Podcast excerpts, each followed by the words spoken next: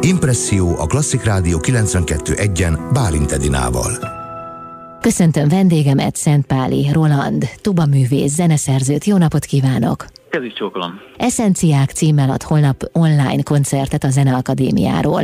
A Stúdió 5. A Solti Termi koncerteket rendszerint egy cél vezeti, ez pedig az, hogy a nagy közönség és a kortárs zene között a lehető legtermészetesebb viszony jöjjön létre. Egy cél elérésének eszközéül most a magyar népzene legősibb formáját, a népdalt választották. A nyolcadik tematikus est lesz majd holnap. Mi jellemzi ezt a koncertet? Hát a Studio 5 az először is hitvallásaként kezeli azt, hogy szeretnénk a, a fiatalabb generációt is bevonzani ezekre a kortárs klasszikus zenei koncertekre, és ezért megpróbálunk úgy kommunikálni a közönségünkkel, hogy ne egy ilyen elszigetelt pár ember által érthető zenét gondoljanak, vagy, vagy halljanak, hanem, hanem olyan fiatal zeneszerzőket, akik, akik tudnak beszélni a saját darabjaikról, és, és akik közelebb tudják hozni a közönséget. Tehát erről szól igazából a Stúdió 5, és ezek a tematikus koncertek, ezek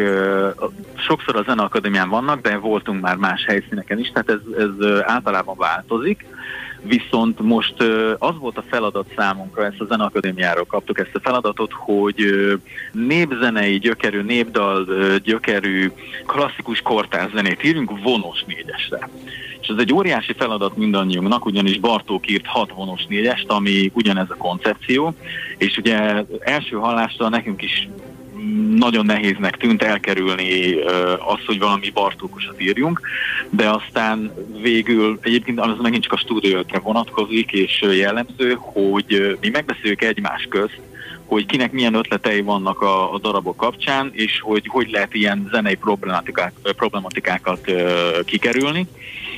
És végül ö, volt olyan szerző, aki aki abszolút a, a népzenei anyagra támaszkodott, mint zene, de volt, aki például csak a hangulatát, vagy a, a szövegnek a mondani valóját ö, emelte be a darabba, és ezt fogja tulajdonképpen a darab majd ö, sugározni. Mindenképpen nagyon-nagyon különböző darabokat fog hallani majd a közönség, aki természetesen online fogja csak ezt tudni hallgatni, de mégiscsak a zenekadói nagy terméből lesz közvetítve és, és hát mindegyik darab tulajdonképpen ősbemutató. Uh-huh.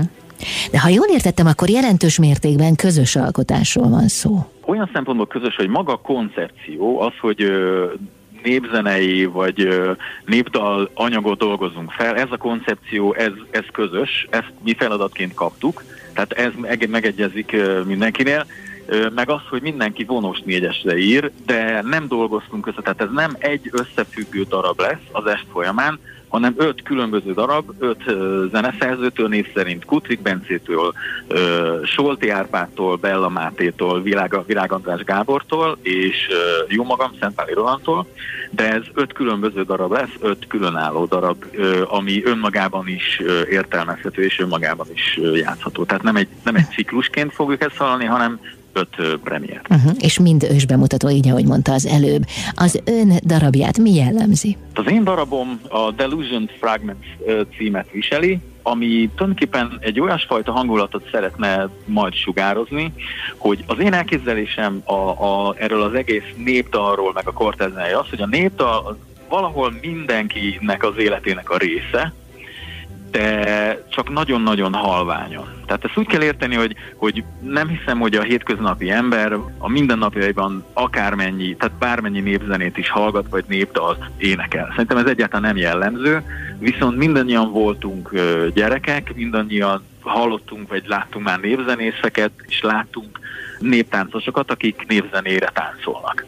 És ezt szerettem volna én ezzel a delusion, ami tulajdonképpen valami olyasmi, mint egy ilyen halucináció, visszaidézni, mint hogyha az ember ilyen félálomban így a, a gyerekkorából valahogy visszakapizsgálna, vagy rémlenének ilyen népdalszoszlányok, és, és tulajdonképpen ez, ez volt az alapötlet. Na most az első tételben, az én darabom az két tételes, az első tételben ez a népdal, ez tulajdonképpen meg is szól a minden egyes ütemben, a egyetlen, minden hangja benne van a, a népdalnak, de nem felismerhető, vagy ha felismerhető, akkor is úgy meg van hangszerelve, hogy ilyen, ilyen álomszerű legyen az egész, tehát ilyen, ilyen képzelgés.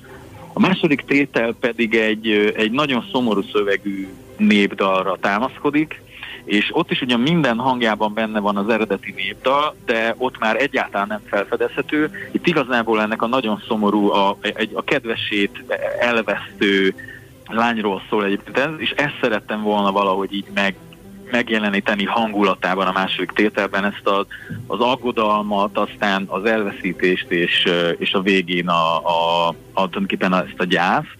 És tehát tulajdonképpen itt, itt inkább a mondani valóját szerettem volna tükrözni ennek a népdalnak, nem feltétlen a, a zenei anyagát. Uh-huh. A Stúdió 5 szerzői estjéről van tehát szó. Herzko Ágnes is jelen van, ő énekel. Így van, igen, és ez nagyon-nagyon fontos, egyrészt nagyon örülünk neki, ő egy fantasztikus uh, népzenész, uh, másrészt na, fontosnak tartottuk azt is, hogy, hogy azok a népdalok, amik minket inspiráltak, azok a művek előtt megszólaljanak.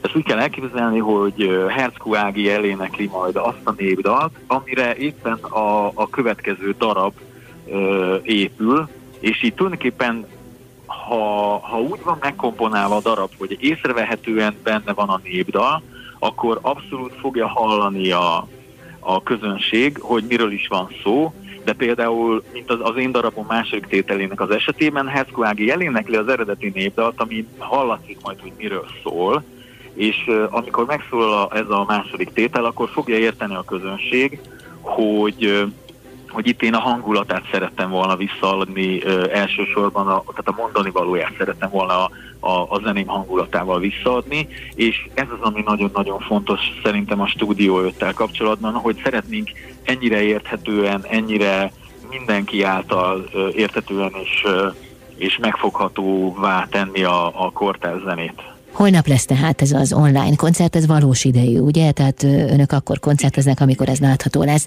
A későbbiek során is megnézhető utólag, vagy pedig csak ott és akkor? Én azt mondom, hogy ez a Zeneakadémiától függ, az Aha. ott és akkor az biztos, azt, azt állíthatom, de nem hiszem, hogy a Zeneakadémia kisajátítaná majd későbbiekben ezt az anyagot, valószínűleg elérhető lesz, és amit még nagyon-nagyon fontos megjegyezni, hogy Molnár Szabolcs zenekritikus lesz majd még a partnerünk a színpadon, és vele fogunk még beszélgetni pár mondatot a darabok előtt, a darabokkal kapcsolatban. Sok látogatót kívánok az online térben az Eszenciák című szerzői esthez. Köszönöm szépen a beszélgetést. Nagyon szépen köszönjük, mindenkit szeretettel várunk.